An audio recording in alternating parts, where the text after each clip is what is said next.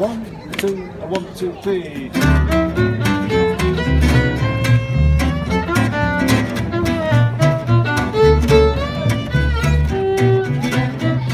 שלום וברוכים הבאים לטנקינג, מחלקת הכדורסל של הפודקאסט שלי. אני רונן דורפן, איתי כרגיל מארצות הברית אה, ציפי שמינוביץ', היי. היי רונן. ואורח מיוחד, אה, עמית שרף, מאמן הפועל חולון. אהלן, מה שלומכם? מה נשמע? בסדר, והפודקאסט שלנו, אתה יודע, הוא עוסק אה, אקסקלוסיבית ב-NBA, אבל, אבל היום, אתה יודע, בהשראתך, ליוויתי את הקבוצה שלך למשחק אחד, אני מקווה שלעוד כמה השנה בהונגריה. Mm. נעסוק קצת ביחסים, אם אפשר לקרוא לזה, או בהשפעות של ה-NBA על, ה... על הכדורסל האירופי. והשאלה הראשונה שלי אליך היא, כמה, כמה זה נוכח ה-NBA מכל מיני בחינות בקבוצת כדורסל אירופית. אתה יודע, ממצב של uh, מסתכלים על זה כדי לקבל השראה, אולי זה מסיח את דעתם של שחקנים שעוד חולמים לשחק שם, אולי, אולי זה מטרד, כי הם בראש שרשרת המזון, הם לוקחים שחקנים מהקבוצות הטובות שאחרי זה לוקחים מהפחות טובות. כמה, כמה זה נוכח בכדורסל האירופי ברמות שאתה נמצא בהן? ברמת השחקנים אני לא חושב שזה מורגש, אלא הדגים הגדולים של אירופה הם אלה ש... שיכולים לקחת, ו... ולשם אולי השחקנים מסתכלים. אה, כן, יש שחקנים שעוברים, אה, כמובן טאקר, שזה מטורף, שלקח אליפות בחולון והגיע ל-NBA, אבל זה לא ישיר היה. אה, וברמת האימון אנחנו, אתה יודע, היורוליג זה, פסל החירות, שאתה מסתכל ורואה, ואחרי זה אתה מנסה ללמוד גם מעוד מקומות באירופה, כי בסוף זה משחק שונה. אה, אני לא מומחה NBA, אבל אני כן משתדל לראות אה, המון בפלייאופים, ובעונה הרגילה פה ושם, ולוקחים דברים, אבל אה, בסוף זה משחק קצת שונה, חוקים שונים, spacing שונה, תרבות שונה. זה נוכח, אבל לא ברמה היומיומית ולא ברמה אקוטית. אבל כן, אנחנו מנסים לראות אתה יודע, בסוף ללמוד מהשחקנים הטובים ביותר, זה רק אפשר להרוויח מזה. זה מעניין, כי אה, בשנים האחרונות יש בפירוש אה, כמובן תנועה של אה, אה שחקנים אירופאים ל-NBA, שחקנים, אה, או שחקנים לא אמריקאים, מובילים את ה-NBA, זאת אומרת, השחקנים הכי טובים ב-NBA היום זה דונצ'יץ', יוקיץ', יאניס, חבר'ה שלא, שהם לא אמריקאים, והם מביאים איתם איזושהי תרבות, אה, תרבות כדורסל אירופאית. שכן רואים אותה ב-NBA, אבל אתה אומר שה, שהתנועה היא לא דו-סטרית, זאת אומרת אין תחושה שבאירופה אה, משחקים קצת יותר כדורסל NBA, זה עדיין כדורסל אירופי קלאסי. לא, כן יש, אני חושב העניין של הקצב, שהוא כן מגיע משם, הקצב שעולה והזריקות היותר מהירות, אבל רוב התנועה הזאת של השחקנים האירופאים, אני חושב, שוב, אה, היא לא מגיעה, דונצ'יץ' הוא קצת אה, חריג, שאת יודעת, ה-MVP של היורוליג מגיע ל-NBA ונהיה כוכב, כי השחקנים הכי טובים ביורוליג, התנועה הזאת, הם לא מגיעים ומצליחים למצות את עצמם. מיצ'יץ' עכשיו עזב, לא מיצ'יץ', אה, כן, מיצ'יץ' עכשיו, נכון, אוקלאומה נראה לי שחררו, ווזנקוף לא מככב יותר מדי. הקצפת של היורוליג, היה תאודוסיץ', לא הצליח כל כך שרס, הם לא מככבים שם. השחקנים עכשיו, התנועה האירופאית, הם דווקא שחקנים שמגיעים בגיל מוקדם ל-NBA, כל הצרפתים שעכשיו 18-19 אה, מגיעים, ושם הם, הם מקבלים, אז כן, ומבניה כמובן הגיע אחרי שנתיים בווילרבן ובפריז, שהוא בא כבר עם, באמת עם התרבות הזאת. אה, אז יש שם, יש קשרים, אבל זה שהשחקנים הכי טובים באירופה לא מגיעים ל-NBA ומצליחים לייצר, זה מראה לנו על השוני, אני חושב. אה, זה מעניין. איך איך, איך אתה באמת מסביר את זה? זאת אומרת שאנחנו כנראה קצת מסתנוורים מזה שבאמת אה, יש יוקיץ' ודונצ'יץ', אה, ויוקיץ' גם כשיוקיץ' לא הגיע ל-NBA כאיזה פרוספקט גדול, הוא לא כן. הגיע כמו לוקה. ויש שם פיאניס ויש שם נגיד את השורה השנייה אבל אה, זה באמת מעניין כי הנקודה שאתה מעלה פה של שחקנים אירופאים טובים מאוד שרובם לא באמת מצליחים ב-MBA זה מאוד מעניין, איך אתה מסביר את זה? סגנון שונה לגמרי. שוב, שוב, דונצ'יץ' הוא כן אחראי, כי הוא כן היה MVP של היורוליג לא בגיל... כן. נכון, זה באמת סיפור. הוא באמת יוניקורן. לגמרי, לגמרי.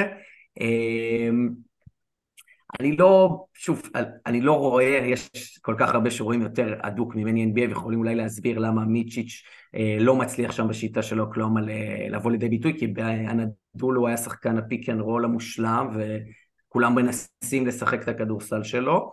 אה, אז אני לא רוצה לצאת פה בהצהרות, אבל כנראה שהסגנון, אני, מה שאני מרגיש כשאני רואה NBA, אה, זה סגנון שבאירופה שמושתת קודם כל על משחק pick and roll בין היוצר המרכזי, הגארד, לחמש, והשחקן בעמדה חמש הוא מוכוון אה, כל הזמן לייצר את היתרונות האלה לגארדים, אה, הוא קצת שונה, והאתלטיות, המגרש הפתוח, אחד על אחד, אה, יותר חשובים ב-NBA, ואתה צריך עוד יכולות ש- שבאירופה אתה יכול או להסתדר בלעדיהם, או שהמשחק בכלל לא הולך לשם, אלא הוא הולך לשליטה הזאת של המאמן ושל הפוינט גארד, אז המשחק הוא קצת שונה. שרס, אני חושב שזו דוגמה אולי הכי מובהקת, שהוא היה לא רע, בשנה הראשונה באינדיאנה עוד עקבתי אחריו, אני זוכר, אבל השליטה האבסולוטית שהייתה לו באירופה, קשה מאוד להביא אותה לידי ביטוי אה, ב-NBA בגלל צורת משחק שהולכת למקומות אחרים. בוא נגיד, יש את ה... אתה יודע, הרבה חסידים של הכדורסל האירופי, והם, והם מרגיזים אותי תמיד, אבל אבי אבי היה אומר לי את זה תמיד, וגם אפילו עופר שלח היה אומר לי את זה, שהכדורסל האמריקאי פחות חכם. אה, זה באמת ככה, או זה פשוט יחסי גומלין אחרים בין קבלת החלטות של מה... איפה נמצאים קבלות ההחלטות, או אצל המאמנים או אצל השחקנים? קשה להגיד שהוא פחות חכם, הכדורסל אה, ב-NBA הולך למקום של יעילות, שהם יורדים לרזולוציות שאנחנו באירופה לא יורדים עליהן, כדי להבין מה הזריקה היעילה ביותר, והם מנסים להיות הכי אנליטיים שאפשר, אז היה קשה להגיד שהוא לא חכם. אני חושב שיש תחושה שאולי שהכוכבים לפעמים טיפה מעל המשחק, וזה יכול לייצר לפעמים סגנון אה, שהוא שונה מאוד לעין, ואני חושב שה... הכבוד שלהם אולי, אני אומר במרכאות, לפוזיישן, הוא לא אותו דבר כמו באירופה. באירופה אתה מרגיש שכל התקפה זה ההתקפה הכי חשובה במשחק, ככה אני חושב לפחות, וב-NBA לפעמים יש תחושה שאפשר לעשות קצת שואו, אפשר לוותר פה ושם על איזשהו פוזיישן, ולא יקרה כלום. ככה זה נראה לי, ואולי זה המהות של ההבדל בין התרבויות האלה, וכן, אני גם מכיר את האסכולה שאומרת אני לא יכול לראות NBA, אני מאוד אוהב לראות. ולהתעניין ולקחת, אבל התחושה היא שזה משחק קצת שונה, זה אני יכול להבין. אבל הנה, אם אתה מדבר על... אתה יודע, יש לנו השנה ב-NBA משהו שקשה לאנשים, לטהרנים, לאכול אותו, וזה תוצאות של 150-140 נקודות. Mm-hmm. אם בודקים את זה לעומק, על אחוז קליעה פר פוזיישן, זה בכלל לא משתנה, זה, זה, זה נובע מתובנה דווקא של מאמן ששיחק את רוב ימיו באירופה, דה אנטוני, שאחוז הקליעה יותר גבוה בשבע השניות הראשונות של ההתקפה, וגם הסיכוי לקחת את ריבאונד ההתקפה יותר טוב. נכון. כולם עברו לזה, אז בעצם נכון. למה לא עשינו את זה באירופה? כי זה נכון רק לאתלטי על, אצל שחקן אירופי אחוז קליעה לא יהיה יותר טוב בשבע השניות הראשונות? שאלה מעניינת, וזה נכון. יצא לי גם לראות בסוף שבוע הזה, אחרי שקבענו, אמרנו, אני אראה עוד אה, קצת, וזה מטורף. אחרי חמש עד שבע שניות, המון המון התקפות נגמרות אחרי חמש עד שבע שניות, גם אחרי סל, הם, הם מייצרים התקפות שהן מסירה אחת, או אפילו pick and roll אחד, ומאוד מאוד מהיר. עכשיו, יש קבוצות באירופה שעושות את זה, אבל לא בקיצוניות הזאתי. אז אני מסכים, זה הרבה יותר מאשר ההבדל בהגנות, זה ההבדל בקצב הזריקות. ראיתי משחק שלם גולדן סטייט לייקרס, ואין התקפות שמגיעות לסוף ה-24, זה לא משהו שקיים בכלל, אין כמעט זריקות סוף שעון, אז זה, זה בהחלט הסיבה העיקרית. אני חושב שהסיבה הראשונה, שזה זה קודם כל שליטה. כשאתה משחק התקפות מעבר כמעט כל הזמן, אתה, השליטה אצל השחקנים הרבה יותר מאשר אצל המאמן. אצלנו באירופה לרוב, אחרי החטאה אנחנו כן נכנסים למעבר, אחרי סל אתה רוצה לייצר תרגיל ולהגיע לפואנטה שאתה תשלוט בה אולי יותר, וב-NBA התחושה היא שזה ממש הרבה יותר קריאת מצבים אה, במעבר וניצול האתלטיות, ניצול היכולות שלהם. אה, שבאמת זה כמעט מקסימלי. לפעמים זה מייצר זריקות באמת הזויות, אה, לפעמים שאתה לא יכול כל כך להבין, שאתה אומר אין מצב שהייתה זריקה כזאת אחרי חמש שניות באירופה, אבל ב overall כנראה זה משתלם להם, והם, לפי מה שהם אומרים, הם מנתחים את זה גם כל הזמן ומנסים להגיד, להבין איזה זריקה היא הכי טובה. אה, אז... תראה, זה בא ש... מאוד מקום בעצם, אם אני חושב על זה עכשיו. להם יש רק סוג אחד של משחק, יהיה ניצחון או הפסד כלפי המאזן שיהיה לפלייאוף.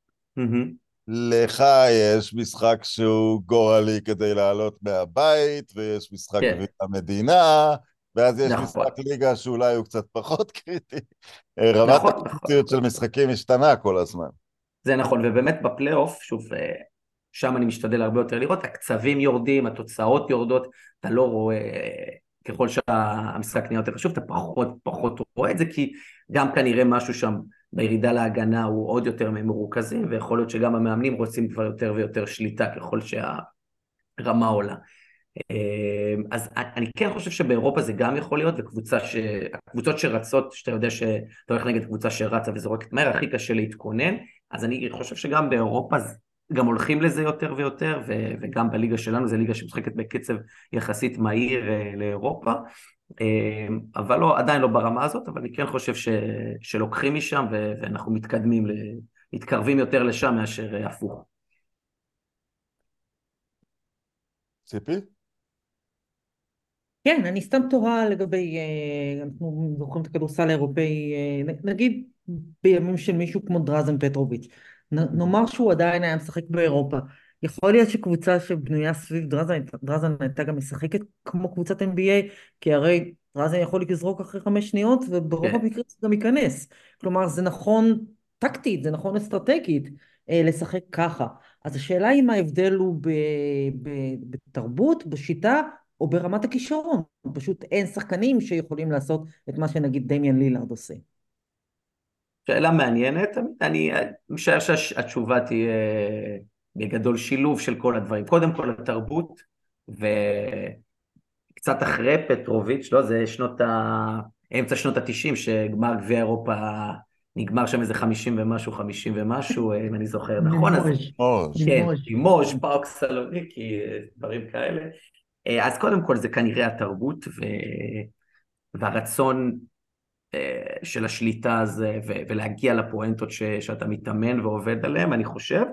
אה, רמת הכישרון עולה גם באירופה, זה, זה לא מגיע לדברים האלה, אבל גם הספייסינג, שהוא באירופה קצת שונה, גם התרבות של לעצור אה, מתפרצות בפאול, וב-NBA עכשיו גם יש איזה, לא את החוק הזה שאי אפשר לעצור, אני לא בדיוק סגור אה, בדיוק על החוק, וכמעט אין פאולים במעבר לעצור אה, התקפות מעבר ממה שראיתי השנה, ובאירופה זה, זה משהו שאתה, שהוא בתרבות מאוד, למרות שגם מנסים להילחם קצת עם, ה, עם הפאולים האלה, אמ, ואני חושב שהתשובה היא שילוב של הכל, אה, כי יש שחקנים מאוד מאוד מוכשרים.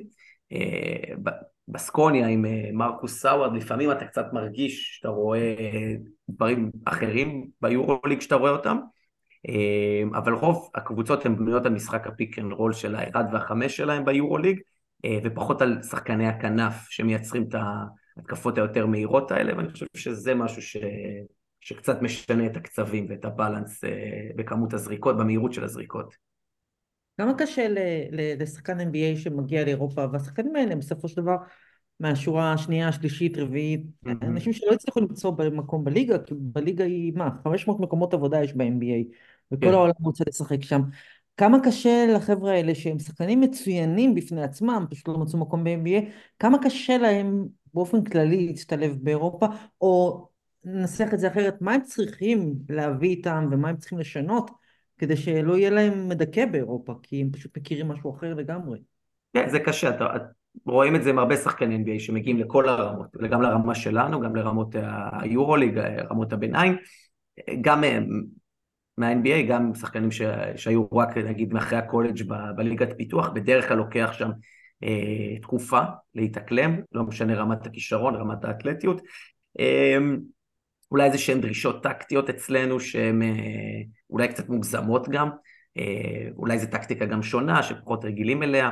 אה, אצלנו לפעמים יש קבוצה שיש לך שלושה טיפולים ב pick and roll שאתה יכול כל position לשנות את זה ויש לך דרישה בהתקפה לדברים מסוימים ש, שמרגיש שכשהם באים אז פחות מוכוונים לזה. הספייסינג הוא שונה, הסיפור הזה עם שחקן שהוא יכול להיות בצבע או לא בצבע זה, זה עולם אחר, זה באמת משחק אחר וגם רואים את זה, אני חושב שהדוגמה הכי טובה זה שנבחרת ארה"ב, גם הכי טובה, באה לשחק בחוקי פיבה, זה לא אותו משחק, זה פשוט משחק אחר לגמרי, ואני בטוח שאם אה, נבחרת גרמניה הייתה משחקת נגד נבחרת ארה"ב, בדיוק אותו משחק, בארה"ב עם אה, חוקי NBA ושופטי NBA, אז אה, זה לא היה נגמר כמו שזה נגמר במונדובאסקט האחרון. לא יצא לי המון לעבוד עם שחקנים שבאו ישר מה-NBA, לפני שלוש שנים או ארבע שנים היה שחקן בחולון שהגיע מלאקי ריצ'רדסון שהיה בחירה 18, שנתיים בטורונטו, אחרי זה ב G League, ראינו אותו ב G League בעיקר, זה היה נראה כמו שחקן ש... שהולך לככב פה. עכשיו יש כאלה שבאמת מצליחים, אבל עליו ראיתי את השוני ואת המעבר שהוא צריך לעשות, והוא לצערי לא עשה את זה בצורה הכי טובה, אבל יש כאלה שתוך כמה שבועות, כמה חודשים כן מצליחים לעשות את ההבנות וההתאמות האלה, ויכולים להביא את הכישרון שלהם, את היכולות שלהם לידי ביטוי יותר בקלות. וכמה באמת כי אתה יודע, לפעמים אני... אני תמיד מביא את הדוגמה, קח שני שחקנים שנניח הם ב-NBA והם קולים, אה, נניח, שחקן של 12 נקודות, חמישה ריבאונדים, ארבעה אסיסטים. אחד אה, נבחר שלישי בדראפט, כי חשבו שהוא היה מעולה בקולג', ואחד נניח אפילו לא נבחר בדראפט.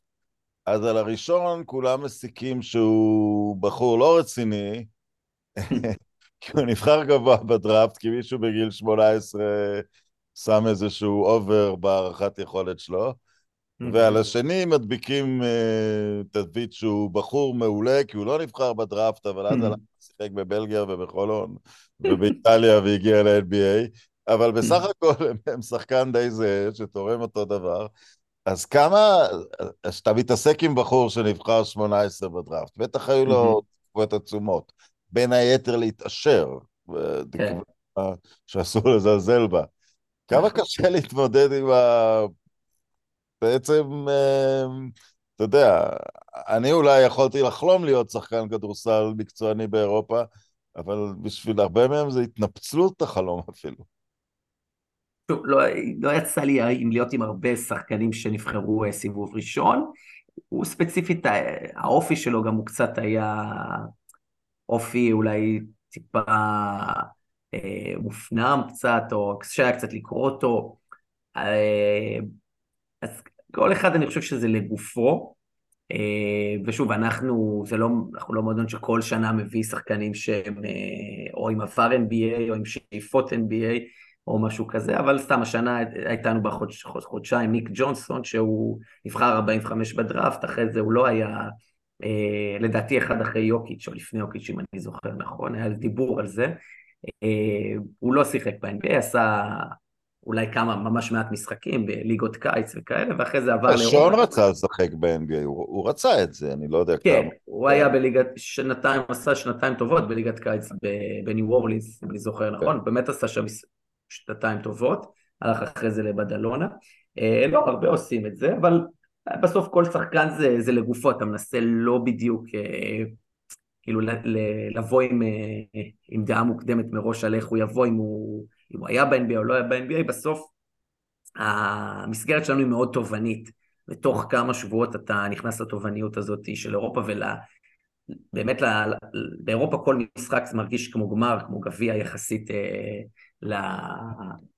אה, לכמות המשחקים שיש ב-NBA. אז מהר מאוד אתה נכנס ואתה מבין עם מה יש לך עסק ועם איזה שחקנים אתה, אה, אתה מתעסק, ולרוב, הרוב מתיישרים לפי הקבוצה, והאווירה לפחות פה בחולון, אה, אתה לא מרגיש בדרך כלל שמישהו בא אליך באיזשהו, אה, לא יודע איך להגיד, התנסות או משהו כזה, אלא בדרך כלל זה, באים לפה שחקנים ש, שרוצים לעבוד ורוצים לנצח ולהתקדם, וגם בשביל עצמם, להגיע למקום הבא שישלם להם כנראה יותר, כמו שאמרת בהתחלה.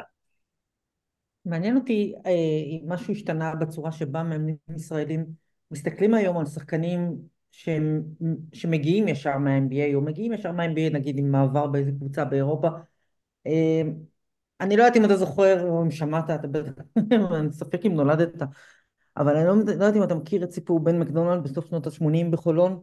אה, בחורצ'יק שבא להפועל חולון ישר מגולדן סטייט, ישר מהווריורס, הוא היה שם שלוש עונות. Mm-hmm. שם היה לו ממוצע של שש נקודות במשחק, ואז הוא הגיע לחולון. אה, הוא היה בעיקר שחקן הגנה, אבל אה, אתה לא, אתה מגיע לחולון ואף אחד לא מוכן לקבל ממך שש נקודות, הגעת מ-NBA. כן. וככה זה באמת היה, היו לו איזה חודשיים שבהם, אה, אלה היו המספרים שלו, התברר שהמספרים שהוא עושה, עשה בגולדן סטייט הם המספרים שהוא עושה באולם הפחים, זה נגמר כשהוא נזרק אחרי כמה חודשים, לא לפני שאוהדי חולון לא רקדו לו על, ה, על המכונית שהוא בתוכה, כן. זה נשמע הגיוני. אחרי הדבר הזה הוא פשוט, אחרי הדבר הזה הוא פשוט ברח. בחור נהדר, נורא נחמד, שקט, אינטליגנטי, שיחק כדורסל חכם, אבל שש, שמונה, עשר נקודות. אז ה- ה- ה- אני מניחה שעם השנים הגישה קצת השתנתה, זה כבר לא בוא נביא מישהו שיש לו, אה, הוא עכשיו בווריורס, אז אנחנו נביא אותו ישר והוא יהיה כוכב. אני מניחה שמאמנים אירופאים כבר מסתכלים אחרת אה, על, על איך שהם מביאים שחקני NBA. כן, אתה מנסה לראות את הרול של השחקן, בסוף אם שחקן הוא הגנה ושלשות, הגנה ואסל, אז, והוא היה אולי גם כזה בקולג' או בקבוצות שהוא היה, אז זה לא שהוא יבוא לפה ויקלע באמת 25 בקלות. אה, דוגמה טובה לזה זה קריס ג'ונסון, שהוא הגיע לירושלים אחרי שהוא עבר בשלוש קדנציות שונות ב-NBA, ביוטה הוא שיחק גם, עונה אחת לדעתי, אפילו היה חלק מהמשחקים בחמישייה, ואתה רואה שחקן שהוא role player, שהוא הגנה, אגרסיביות, קולע שלשות, זז בלי כדור, ואתה מבין שזה מה שאתה תקבל ממנו גם. אבל יש גם שחקנים שיכול להיות שהממוצע שלהם הוא הוא לא גבוה, אבל אתה רואה בסגנון משחק שלהם, או שאיך שהם היו בקולג', שאתה כן יכול להבין שכן מדובר אולי בסקורר, אה, mm. שב-NBA היה צריך להסתגל לרול אחר, אז אתה גם צריך לראות אותו בעוד כמה נקודות, להבין מה הסגנון שלו, צריך לדבר עם השחקן, אה, וגם לנסות להבין ממנו אה, איך הוא רואה את עצמו, אבל כן, אני חושב שעכשיו אתה למרות שיש לפעמים מקרים שאתה מביא שחקנים בלי יותר מדי להיכנס לעניינים, אם זה לחץ של זמן או סיטואציות שאין לך ברירה, אתה... עבודה, ה scouting והמחשבה והדמיון, בסוף כשאתה מביא שחקן אתה צריך לדמיין איך אתה מדביק אותו בין כל שאר הפאזל, אתה חייב להבין מה היכולות שלו, ואתה לא יכול רק להגיד, כן, אם הוא קלע ב-NBA ככה, אז הוא יקלע אצלנו 20, לא משנה מה, אלא אתה צריך לרדת לרזולוציות ולפרק את המהלכי התקפה שלו, איך הוא עושה אותם, איך, אתה, איך הוא יכול לעשות אותם באירופה. אה, אז אני כן די משער שזה, שזה עולם אחר ממה שהיה אז, אה, אבל כן עדיין יש אולי את העניין הזה שאם ב-NBA הוא הצליח לעשות דברים מסוימים, אז אולי אצלנו הוא, אה, הוא יוכל לעשות ככה, ולפעמים גם יש את החשש, לפעמים אתה גם חושש שזה, ש, שיהיה לו קשה להסתגל, כמו שדיברנו קודם, שהמעברים הם לא תמיד חלקים. אתה יודע, עיתונאי סרבי אמר לי לפני משהו 12 או 15 שנים, אה, שה-NBA הרס את הכדורסלן, מה שנקרא יוגוסלבי הקלאסי, כי הלך פטרוביץ' ל-NBA ולא יכול היה לשים את הכדור על הרצפה, אז הוא לימד את עצמו להיות uh, מכונת ירייה, שהכדור יוצא לו מהיד שנייה אחרי שהוא נכנס ועשה את זה. בצורה מדהימה. ולקוקוץ' לא, לא נתנו לנהל משחק, וה, והשחקן שהוא הביא כדוגמה להרס הכדורסל היוגוסלבי, תחזיקו חזק, היה פז'ו סטויאקוביץ'. כי הוא אמר, לקחו תכונה אחת שיש ליוגוסלבים, גבוהים שקולים, וזה כל מה שהאמריקאים רוצים מאיתנו, ולמה השחקן היוגוסלבי החכם? בכוונה הקדמתי ואמרתי, הוא אמר את זה לפני 12 שנה. ואז הגיעו יוקיץ' ודונצ'יץ', ו... והם, והם פשוט פטרוביץ' וקוקוץ', ש... שהתאימו את עצמם לדרישות של ה-NBA והם עושים כל מה שעשו הגאונים היוגוסלבים של פעם והם mm-hmm. עושים את זה לאמריקאים והכל, וכל השאלה הארוכה והאינסופית הזאת שלי, mm-hmm. האם אתה רואה נניח ב, בשחקנים צעירים בארץ איזשהו ניסיון לעבוד דווקא, כי אני הרגשתי שאבא של דני אבדיה חשב כל הזמן פרי-אנדי. כאילו, תדאג להגנה ושיוציא את השלשה בקשת גבוהה, ואתה מרגיש ששחקנים ישראלים קצת uh, מנסים לעשות אנבאיזציה של המשחק שלהם? קודם כל, אני חושב שבכלל, בכללי, העולם הוא מתפתח והולך לכיוונים, מי שמסתכל על דברים כי הרסו את הזה, אז הוא נמצא בתוך העולם שלו, וזו החלטה שלו להסתכל על זה כך. יש תהליכים שקורים, אה, גלובליים, ושחקנים גדלים עם אה, יוטיוברים שמנסים לסדר להם, אה, לתת להם מידע וטיפים, אז צריך לדעת להתמודד. אם זה לקחת את הדברים הטובים, יש בזה המון דברים טובים, ואם אם הוא נתן את פז'ה סטויאקוביץ' כהרס הכדורסלן, אז קשה לי להסכים, הוא לא רק זרק, שיחקו, סקרמנטו שלה שיחקו, זו התקופה שראיתי המון NBA, וזה כדורסל שהשפיע עליי המון, וזה אולי השנתיים. מהיפות שקבוצות שיחקו שם. הוא וולאד דיבאץ' היו כאן, כן? ודיבאץ' היה אולי ה point center המוביל בכדורסל, אז קיבל את הכדורים וכולם זזו עליו. קשה לי להאמין שמהקבוצה הזאת אפשר להגיד ש... שזה דוגמה להרס הכדורסל היוגוסלבי, ששיחקו כדורסל באמת אה, על סף השלמות, והיו רחוקים ריבאונד אחד מלהדיח את הלייקרס ולמנוע את השושלת הזאת שם עם הריבאונד והשלשה של אה, רובו. אתה לא חייב להזכיר את זה, אנחנו... אה, כן. אתה לא חייב להזכיר את זה. אתה אוהד סקרמנטו ששונא לייקרס. לא, אני לא אוהד הלייקרס. הבנתי. כל אחד זה הסיפור שלו, אם, אם המאמנים של דני חשבו שקודם כל כדי להיות שחקן NBA הוא צריך לעשות את זה, אז זה דבר נכון לעשות. אני כן חושב שהוא היה יוצר, מכבי נתנו לו בגיל יחסית מוקדם אה, להתעסק הרבה עם הכדור. אמנם הוא לא היה אולי השחקן המרכזי, אבל אני חושב שבגיל 18-19 כבר בליגה שלנו היה יחסית יוצר, ובנבחרות עתודה אין מה לדבר בכלל. אה, הוא היה רכז פורוורד, הכל הוא היה. אז... אה, אולי זו לא דוגמה טובה, אבל אני, אני, אני לא... כן, שחקנים צעירים מסתכלים, ואנחנו רואים את...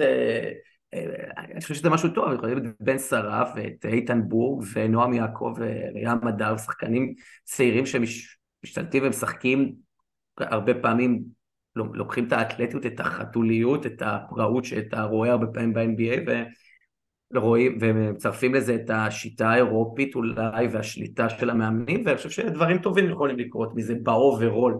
בסוף אם אתה מחקה את השחקנים הכי טובים בעולם, את... אה, לא משנה, כשאני אימנתי מחלקת נוער כולם הסתכלו על סטף קרי בעשר שנים, לפני עשר שנים שהייתי רק במחלקות נוער בעיקר על כל הטיפול שלו וכל ההבנה איך שחקן אה, מטר תשעים יכול אה, לייצר לעצמו כאלה מרווחים ולגרום לכל ההגנה לרדוף אחריו. לפעמים זה מוגזם, נכון, וזה, אבל אני חושב שבאוברול זה תופעה שהיא טובה אם אתה יודע איך לווסת את זה, ואם יש לך אנשים שיכוונו אותך ויאזנו אותך גם למשחק הקבוצתי. אבל קח בחור של 2-4, שאתה יודע, בכדורסל הישראלי תמיד הייתה לו בעיה של גבוהים. עכשיו, mm-hmm.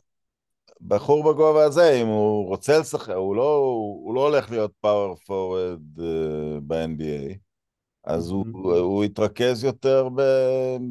אה, בלקלוע שלשות מהגובה הזה. ואתה יודע, זה, זה עלול כתופעה כללית לחסר לכדורסל המקומי, למשל העבודה עם הגבוהים, כי זה לא כל כך ריאלי שישראלי יוכל להיות גבוה מוביל ב-NBA, אתה יודע, מבחינת הגודל של האנשים והאתלטיות של האנשים שיש בארץ. Mm-hmm. אז, אז גבוהים, אה, אתה יודע, הם יחפשו את עצמם... אה, עמרי כספי אולי דוגמה, אני יודע, הוא... כן, כן, הוא, אני מכיר אותו בשנתון שלי, והוא מגיל צעיר שיחק פנים לסל. אה, וזה השתלם לו בסופו של דבר. כן, כן, כן. החשבון בנק שלו מראה את זה. נכון, נכון, אבל הגבוהים, נגיד המודל, יש עדיין גבוהים שהם בעיקר אה, ישחקו עם הגב לסל, ויש עדיין גבוהים שהם רק יחסמו ויתגלגלו וישחקו מעל הטבעות, אבל הגבוה המודרני, אני חושב שגם באירופה וגם ב-NBA, הוא בונה את עצמו כשחקן שיכול לשחק פנים לסל, גב לסל, לקבל החלטות על קשת השלוש, ואני שנה, משנה שעברה עוזר בנבחרת העתודה, ושנה שעברה לי, שעבדתי איתם, אז דן, דני וולף היה, ואני חושב שהוא פרוטוטייפ של גבוה אירופאי, ש... אומנם הוא 2-10, 2-11, זה גודל uh, באמת מיוחד, אבל רוב המשחק שלו הוא מבחוץ פנימה, ולא מבפנים החוצה, וזה יתרון מאוד גדול, הוא מייצר את היתרונות שלו, יכול גם לקבל החלטות על קשת השלוש, גם לזרוק, גם למסור, גם להוריד כדור לרצפה, ואם מחליפים עליו ושומר עליו גארד קטן, הוא יכול גם אה, להוריד אותו לפוסטה, אבל הוא קודם כל מוכוון בחוץ, ועכשיו אני רואה גם, הכדורסל שלנו והגבוהים שלנו הם מהסגנון הזה, אז נכון, זה לא יהיה אולי גבוה האירופאי הקלאסי, או האתלט ש... שמשחק מעל הטבעות, אבל יש משהו בוורסטיליות הזאת ש... שנותן לך הרבה יתרונות. אתה לא חייב להיות גם יוקיץ', זה לא שאתה חייב להיות יוקיץ', שבאמת היוניקורד, שזה משהו שיש פעם בדור, אתה יכול להיות גם משהו בין לבין. לא בכל זר... דור. כן, לא, בדיוק, לא בכל דור, אבל גם זר שהוא משחק בליגה, זה, זה לא רחוק מזה בחלק מהסיטואציות, הניהול משחק מהאלפו, המסירות מהפוסט-אפ, היציאה החוצה לפעמים, אני דווקא אוהב, אוהב את זה, בגדול. נכון, לא רק, לא רק זה, זה לא שיש שפע של שחקנים גבוהים שיכולים לעשות את הדברים האלה, אני לא מדברת אפילו על יוקיץ, זה לא שהם נמצאים בשפע בכל מקום, זה כן, אה, זה כן מצרך שהוא עדיין נדרש, וחוץ מזה, נראה לי שקשה לחסום אה, ילדים או בני נוער שהחלום שלהם זה לשחק ב-NBA, והם אה, מנסים ללמוד את הדרכים שבהם הם יוכלו להגיע ל-NBA. אה, אין מה לעשות, ילדים כאלה רוצים לשחק, אה, זה עדיין חלום. אז אה, נכון. זה, זה, זה התפתחות טבעית, עם זה אני מסכימה איתך, זאת אומרת, אין פה, אני לא רואה שום דבר שהרס את הכדורסל, או, או הרבה דברים שאנחנו שומעים השנה, באמת בהקשר של ה-NBA, שהם גם לא נשענים בכלל על עובדות, זאת אומרת, הליגה, ב-NBA קודם השנה 115 נקודות בממוצע למשחק, שזה... משהו כמו שש נקודות יותר ממה שכלו בממוצע בעונה האחרונה של ג'ורדן בשיקגו. זה לא שפתאום קולים 45 נקודות יותר. יש הרבה יותר פוזיישנים, יש הרבה יותר זריקות נכון. לשלוש, המשחק השתנה, אבל נכון. אני לא, להגיד שהוא נהרס זה מגוחך, זה פשוט, אה, זה סתם נוסטלגיה. אתה נכון. מתגעגע לזה, זה לגיטימי, אבל זה לא אומר שמה שאתה רואה עכשיו הוא לא טוב או, או הרס את, ה, את המשחק. להפך, גם ה-MBA, ואני פחות עוקבת אחרי אירופה, אבל אני מניחה שזה נכון גם לגבי אירופה. זה, נכון. זה מעולם לא, לא היו כל כך הרבה שחקנים מוכשרים. נכון. הכשרון הוא מפוצץ הרבה יותר ממה שהיה בעבר. אני מסכים ממש. זה אנשים שכמוני ראו בשנות ה-90 את הגמר של יוטה שיקגו, ושם באמת הסדרה הייתה 90 ומשהו, 80 ומשהו, זה לא שראו את כל העונה, ועכשיו שאתה רואה משחק ליגה סדירה שפתאום נגמר 150, 140, זה קורה, אז אתה חושב שב-NBA אין הגנות וזה רק אולסטאר, אה, או שאתה רואה רק את הקטעים שקופצים לך ביוטיוב שורטס או משהו כזה, אני חושב שכל מי שעוקב אחרי הליגה אה, מבין את ה... שזה ליגה מאוד אה, חזקה ומתפתחת. ודווקא ובהקשר של השחקנים הצעירים, שאני הייתי ילד, היו אומרים כל הזמן, אולי הפוך, שלוקחים שחקן שיהיה מקסימום מטר תשעים, ובגלל שהוא בכיתה ח' מטר שמונים, אז שמים אותו מתחת לסל ולא נותנים לו לפתח נכון, את הכישורי נכון. חוץ שלו פנים לסל, ודווקא נכון. עכשיו אני שמח ואני רואה המון שחקנים גבוהים שמורידים כדור לרצפה ויכולים לקבל החלטות, מה שאצלנו היו מגבילים אותם לשחק מתחת אה, לטבעת, שזה כבר לא קיים כמעט. לגמרי, אם אנחנו חוזרים לחולון, היה, שוב, אני הולכת המון שנים אחורה, היה את אבי מאור שהיה מטר תשעים ושבע, כן. ולזמנו הוא היה אולי האתלט הכי גדול שראיתי בכדורסל הישראלי, כלומר, mm-hmm. אבי מאור קפץ רחוק והטביע, אתה יודע מה mm-hmm. זה היה? ו... ו... אבל שמו אותו מתחת לסל, ולא כן. לימדו אותו לזרוק, ולא לימדו אותו, ובסוף uh, הוא נפל בין הכיסאות, למרות שאם כן. היו מלמדים אותו אפילו סתם לקלוע מחצי מרחק, הוא היה... הוא, הוא היה נכון, יכול להיות...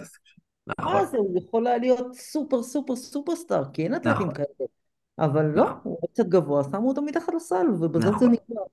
כן, אז זה באמת משהו שאתה מרגיש ש... שכבר פחות קורה, אלא שכולם מנסים לפתח עוד ועוד יכולות, גם אם בסוף אתה תהיה סנטר והתפקיד שלך בבוגרים אה, אולי יוגבל לדברים מסוימים, אתה עדיין מפתח יכולות אה, נוספות, ויש לזה יתרונות, אני מסכים. דני אבדיה מפתיע אותך כרגע? אה, אני, שוב, משחק של אה, ארבע, אולי, אם כבר אנחנו מדברים על דני אבדיה, אולי חלק מהסלידה שיש ל, לחלק מהאנשים, אה, מה שקורה ב-NBA, זה שאחרי משחק ש, שהקבוצה מפסידה בו, אז מי שקלה 43 נקודות הוא כאילו כוכב גדול, ו... ו... ציטוטים וכאלה, שב-NBA מישהו קולע הרבה והקבוצה שלו מפסידה, בדרך כלל זה לרעתו. הוא כנראה לא צריך לקחת כל כך הרבה זריקות, אז uh, יש בזה תמיד, זה גם משהו חלק מהתרבות הזאת, כאילו ש... כן, בדיוק. שזה בדיוק. ממש קשה לחלק מהאנשים, uh, ואני יכול להבין את זה גם, כשקבוצה מפסידה אז אי אפשר להעלות פוסט, תלכו אחרי החלומות שלכם, לפחות לא בתרבות האירופאית, אתה צריך להיות בבית, לחכות ו... להתאמן למשחק הבא, לא יודע, משהו כזה, ואני מקבל את זה, אני גם מקבל את זה שיש בתרבות האמריקאית, הוא הגשים את החלום שלו ועשה שיא קריירה, אז כל אחד יכול לקחת את זה לאן שהוא ייקח את זה. ושוב, הוא משחק עכשיו בקבוצה כל כך חלשה, ש... שזה קצת קשה, צריך לקחת הכל בפרופורציה ולהבין, כי אצלנו קבוצה חלשה נאבקת על החיים שלה בירידה, הייתה מחליפה כבר שלושה מאמנים, שלושה שחקנים, שלושה, זה, זה פשוט משהו אחר לגמרי. ולא משחקת על העתיד שלה כמו וושינגטון שמנסים לשחק על העתיד וחושבים על הטריידים, על הדראפט וכאלה. אז צריך לקחת הכל בפרופורציה, אני חושב שזה באמת אחת הדוגמאות הגדולות להבדל בין התרבויות. דני, אני, אנחנו כבר בגיל 18 שיחקנו נגדו והוא עשה את העונת פריצה שלו בשנתיים האחרונות במכבי, הוא כבר אחד השחקנים הישראלים הכי טובים בליגה, ו...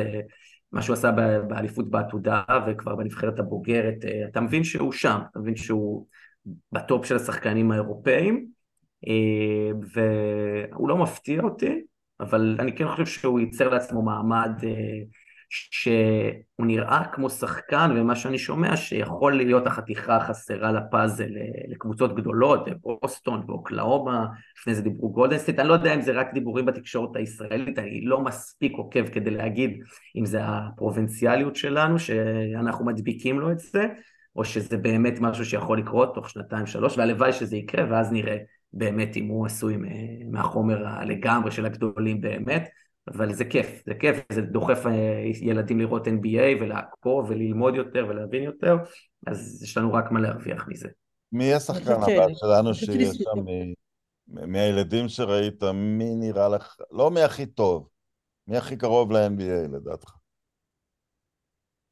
אה, אז קודם כל, דני וולף, שהוא לא גדל אצלנו, אבל הוא היה בעתודה ואנחנו עשה אליפות מדהימה, אנחנו מרגישים שהוא שלנו, אז עכשיו הוא שנה שנייה בקולג' והוא עושה שנה מטורפת, אז הדיבור הוא שיכול להיות שהוא ילך לשם, ו... וזה יכול להיות ממש uh, מעניין לראות, אני לא יודע. הבנתי שהוא, זה נחשבת יל, מכללה לא מהגדולות ביותר, לא, לא לוקחים משם שחקנים בדרך כלל NBA, אבל הוא באמת עושה משהו מיוחד. Uh, ומהחבר'ה שגדלו אצלנו ב... במחלקות נוער, בנבחרות, שאלה מעניינת. אה, יש לעכברים בינינו, יש בייצור נתניה, שחקן בשם אלון מיכאל ש... אה, שגדל ב... בהרצליה ועכשיו הוא בנתניה והוא משחק אה, בנבחרת עתודה והוא היה שנה שעברה בנבחרת נוער והוא מאוד מאוד מעניין, ממש שחקן שווה לעקוב אחריו, הוא לא עדיין ליגה ראשונה שכבר כולם מכירים, בן שרף והמחנות, אבל uh, למי שבאמת רוצה לעקוב ולהתעניין, אני חושב שהוא יכול לעשות משהו מעניין uh, בשנים הבאות. וולף לדעתי, אה, עוד פעם, אי אפשר לדעת מה יקרה, אבל אני כמעט בטוחה שהוא ילך ל-NBA, הוא ישחק, uh, יש דרישה... הוא ייבחר בדראפט לדעתך? בטח, כן, כן. יש, יש דרישה לשחקנים מהסוג הזה, mm-hmm. uh, הוא פה בייל, במקרה אני גרה כאן ואני רואה אותו מדי פעם, הוא אמנם משחק באייבי ליג, שזה באמת אה, אה, חנונים נגד גיקים, וזה לא בדיוק... אה, וזה לא בדיוק, לא בדיוק ליגת המשתלות שמוציאה נבחרים ראשונים בדראפט, אבל הוא, כן, רואים אותו, ו... והוא כן, הוא, הוא ישחק ב-NBA, אני כמעט בטוחה כן. בזה, באמת יש, יש דרישה לכאלה, יש כן. היום יותר ויותר דרישה לשחקנים כאלה. אני מסכים. הוא, הוא, אני חושבת, לגמרי בדרך לשם. אני לגמרי. מסכים. אני חושב שגם הקשר הזה של ה-NBA, רואים אותו מהמרדף שלהם אחרי שחקנים שמצליחים בנבחרות, או זה שהם ממש, הם עוקבים אחרי זה, וה... וגם הצרפתים שהם לוקחים זה, זה שחקנים ש, שפרחו בנבחרות, אה, באליפויות האירופאיות, אז הם רואים שם משהו מעבר לקולג', כאילו יש שם משהו שהם הם רואים את זה מהם. עכשיו כולם, הייתה תקופה שכולם חיפשו את סטף קרי הבא, ועכשיו כולם חיפשו את טוקיץ' הבא, כן. וזה משתנה כל הזמן, אבל בתקופה הספציפית הזאת, יש דרישה לשחקנים כמו וולף, והוא בחור מוכשר. מסכים, כן, מאוד מוכשר, מאוד חכם, יש לו איזשהו איזשהו משהו שהוא, שקשה להסביר אותו, להיות במקום הנכון, בזמן הנכון, גם בהגנה, למרות שהוא לא אתלט על, ו, וגם בהתקפה עם סלים גדולים, יש בו משהו מיוחד שאתה רואה את החייתיות משחק שלו. יש לו את הרעב? כן, לגמרי, לגמרי, לגמרי, לגמרי.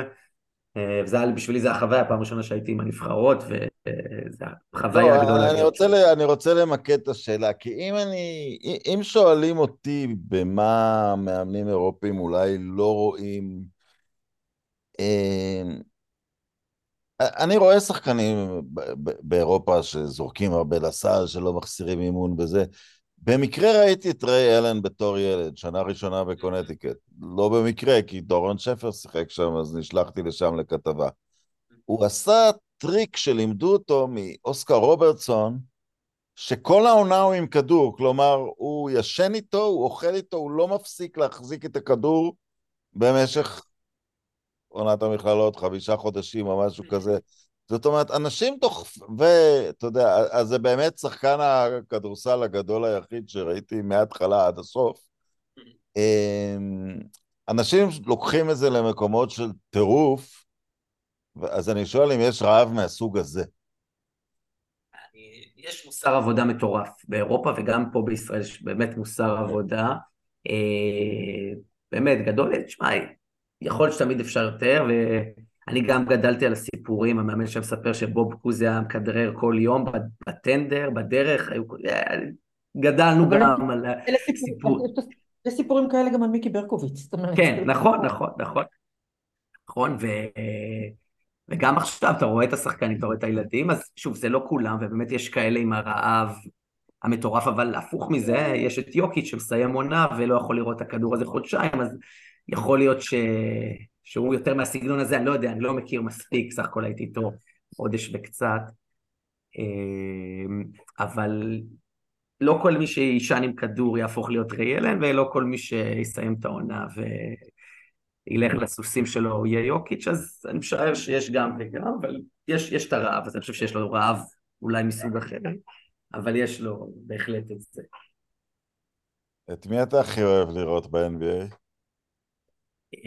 התקופה שקריס פול היה בפיניקס, והייתה, זה היה, אני חושב שהם שיחקו את הכדורסל הכי אירופאי שהיה אז, כי היה להם חמישייה של קריס פול ובוקר וברידג'ס והארבע שעבר אחרי זה למיאמי, ברח לי השם שלו, ואייטון, והיה שם משהו שהוא מאוד דמה לכדורסל שלנו, של ה point guard הדומיננטי, החמש, שהוא בעיקר pick and roller, שהוא רולר, הוא חצי מרחק, אה, פחות נפתח החוצה, פחות אה, זורק שלשות, קלעי בעמדה שתיים ושני שלוש ארבע שבעיקר אה, שומרים חזק, שומרים את כל העמדות וכל, זורקים שלשות, אז ממש שיחקו שם, אהבתי מאוד מאוד לראות אותם. גולדן סטייט זה חוויה כי זה כדורסל שהוא כל כך שונה ואיך שהם מייצרים לעצמם כל הזמן את התנועתיות הזאת ומשחקים שונה לחלוטין מכל מה שאנחנו משחקים ב-NBA, זה נחמד. עכשיו אני מנסה לראות קצת את אוקלהומה, כי היא נחשבת קבוצת העתיד, ונחמד לראות את, אה, את אלכסנדר ואת אה, צ'ט, אני לא זוכר אפילו את השם משפחה שלו, איך אומרים, של ה rookie. אה, משחקים. כאילו, כן, בדיוק, הם מדברים עליהם כקבוצת העתיד, ובאמת משחקים יפה. פעם אחרונה שראיתי אותם היה מול דאלאס, שדונצ'יץ' החליט שהוא מפרק להם את הצורה עם שני, אחרי ה trade בדיוק, שגאפורד הבא הגיע במשחק הראשון שלו, מה שהוא עשה להם שם, דונצ'יץ' זה היה באמת אה, משהו שלא רואים, אבל... אה, איך אתה קיבלת את, ה, את מה שהוא אמר שיותר קל לו לקלוע ב-NBA מבאירופה? הוא, הוא התבדח לדעתך? לא, לא, לא, אני, הוא לא התבדח, ושוב, גם בשתי האליפויות האחרונות הוא הודח ברבע גמר, כאוב, בוכה לשופטים, אה, כמו ילד קטן, אז גם כשהוא הודח מהפלייאופים, זה לא היה בצורה הזאתי. אה, זה היה שהוא שם 40, 10-10, אבל איך שהוא הפסיד. אה, קודם כל המגרש קצת יותר קטן, החוקים קצת יותר... אה, לא, אבל השאלה אם זה יותר נכון, אה, אם יותר קל לקלוע ב-NBA, נכון, לא. אני לא חושב שכל שחקן בחולון שקולע שבע יקלע 11 ב-NBA. לא, לא, זה ברור, זה ברור. זה ברור. קודם כל גם השחקנים שהוא משחק איתם בסלובניה זה לא בדיוק אותם שחקנים, אין לו לידו את... קיירי ואת הרדווי שידפוק שש שלשות אם רק תיתן לו חצי שנייה. אני חושב שזה יותר, אם הוא עכשיו ישחק בדאלאס, אותה דאלאס עם אותם, זה שוב, אם הוא ילך עכשיו לאליפות אירופה עם דאלאס, יהיה לו יותר קשה, אין לי ספק.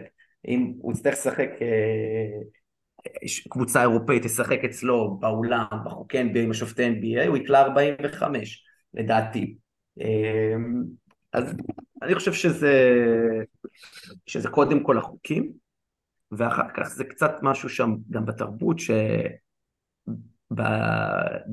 סליחה, באירופה, מישהו יישב עליו ויפרק לו את הצורה ויכניסו עוד מישהו ועוד דאבל אפ ועוד שיטה, וב-NBA אולי אני לא אומר שלא שומרים כמו שצריך, אבל שומרים אותך מקשת השלוש. קודם כל, לרוב אין הרבה מאוד לחץ על הכדור, כי הם לא רוצים לפתוח את ההגנה. שמעתי כמה מאמנים שאומרים את זה, שכמה שאתה לוחץ את הכדור יותר, אתה פותח יותר את ההגנה, ועם האתלטיות, הכלייה והיכולות שיש ב-NBA, אתה לא יכול לעשות את זה, אתה רוצה להיות חזק מאוד על קשת השלוש.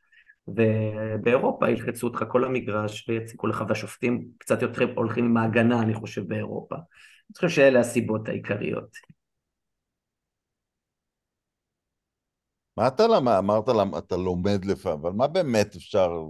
יכול לתת דוגמה של משהו שפשוט תפסת במשחק NBA, אולי ניסית ליישם, או... אה, אני חושב שבעיקר, כשאתה רואה את המשחקים, כשאתה רואה משחקים רצים בהם, ולא רק קטעים, אז אתה רואה את ה... איך היציאה שלהם למעבר, זה, זה משהו שהוא... זה, זה נראה כמו אומנות, באמת.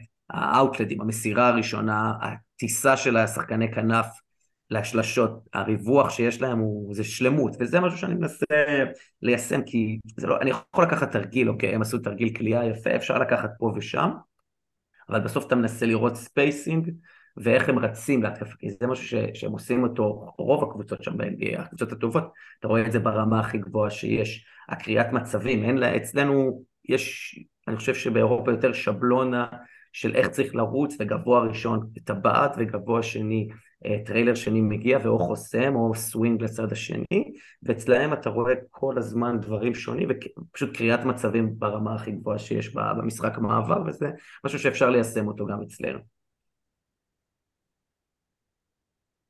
ציפי?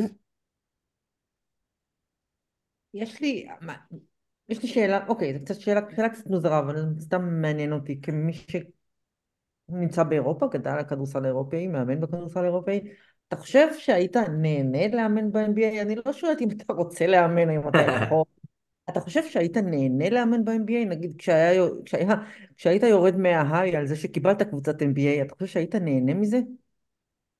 אמ, אני חושב שכן, קודם כל, אני חושב שמה שאני שומע וחברים שהיו פה בסיור ופה באימון, זה, קודם כל זה, אני חושב שאתה עובד בחברת הייטק קודם כל מבחינת איך שמתייחסים לשחקנים ולמאמנים ולפסיליטיז ו... והכדורסל עצמו, אני חושב שכן, אני חושב שכן, יכול להיות שזה היה שונה וזה היה דורש, בואי נגיד עוזר מאמן, ניקח את זה לריאלי, עוזר מאמן חמישי ב-NBA, הייתי חושב שאני נהנה מאוד, הייתי חושב שהייתי מאוד נהנה מזה ולומד ולוקח, אה, נראה לי כן, נראה לי שכן. יופי, עוזר מאמן חמישי, עשית לעצמך חיים קטנים. לא, אבל למה אתה חושב זה לא... אף אחד לא יפטר למה אתה חושב זה לא קורה? מה זאת אומרת? למה הם לא לקחו את אוברדוביץ' אף פעם? אני חושב שיכול להיות שזה קשור כמו ששחקני top יורוליג שאמרנו שחלקם אה, לא אותו דבר, כי אוברדוביץ' הוא פריק control, ואוברדוביץ' הוא ההצגה עצמה וכל השחקנים צריכים להתאים את עצמו אליהם, וב-NBA אתה מתאים את עצמך למה שה general manager, לסגל שהוא בונה לך ולשחקנים שמקבלים את ה... אני חושב שאפשר למצוא את האמצע, כן? זה לא שהמאמנים לא עושים כלום, ואתה רואה. אתה לא מאמן רס"ר, נכון? אפשר... ל... מהקצת שראיתי, אתה מדבר עם השחקנים בגובה העיניים. נכון. קצת ממה שהם אמרו לי, נכון. הוותיקים שלך, שאתה יודע, כן, לא משנה. אני לא חושב שיש היום גישה אחרת ב-NBA שתעבוד בכלל. נכון, זה, זה ככה זה מרגיש. זה, זה ש...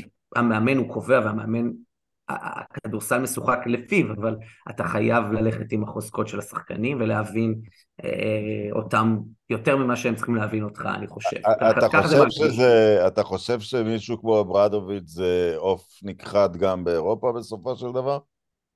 לא יודע אם עוף מבחינת נכחד, הסגנון, אבל... לא מבחינת השכל. לשכל תמיד יש מקום, אבל... לא, אני לא חושב שזה עוף נכחד, אבל אני חושב שיש פשוט עוד כמה, אני חושב שעד, שלפני 20 שנה אולי כדי לאמן, היית חשבת שאתה צריך להיות כמו אוברדוביץ', ואני חושב שעדיין מישהו, האופי שלו הוא כזה, זה לא מישהו שעושה הצגה, אוברדוביץ', זה מישהו שאתה רואה שזה הבן אדם, והשאיפה הזאת לשלמות, וה...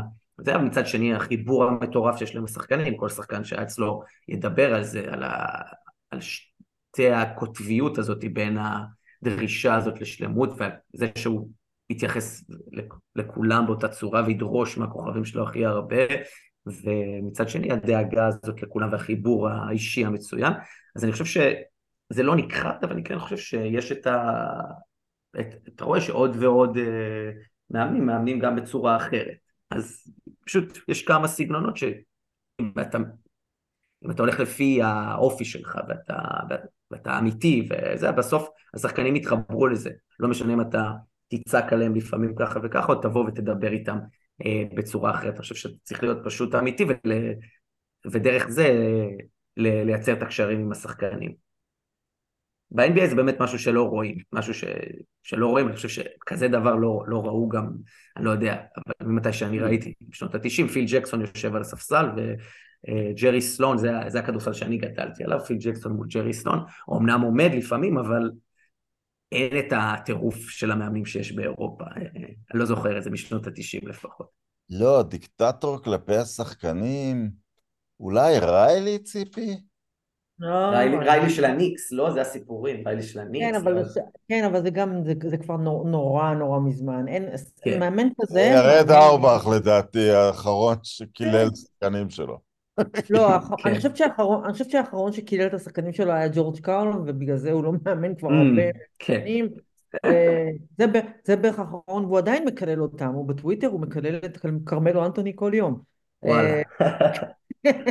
כן, אני חושבת שזה האחרון, פשוט אי אפשר, זו ליגה של שחקנים. והמאמנים... אה, אני מדבר על אירופה, הם גם מהמכללות כמעט לא לוקחים כבר. המכללות בטוח אין יותר מקום לבובי נייט, זה פשוט לא יכול לעבוד יותר, זה כן, פשוט לא, כן. אין, אין, אין שום מקום לדברים כאלה יותר, אין.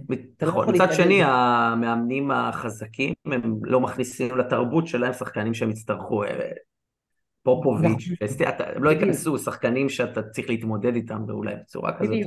אתה מסתכל על שז'שבסקי שתדמיתו הייתה קשוחה וכולי וכולי, אבל השחקנים מטורפים עליו, והם כולם, כן. אה, הם כולם זוכרים אותו, והם כולם מתייחסים אליו כמו, כמו אל אבא שני. אז כן. זה, זה משהו אחר, אבל יש מאמנים שאתה יודע, הם היו abuser ים, בובי נייט כן. היה abuser, זה משהו אחר. כן. אין יותר מקום לאנשים האלה, לא במכללות וגם לא ב-NBA, כי ב-NBA אתה לא, אם אתה תדבר לא יפה ללברון ג'יימס, אתה מחר תמכור בייגל למטה. אין...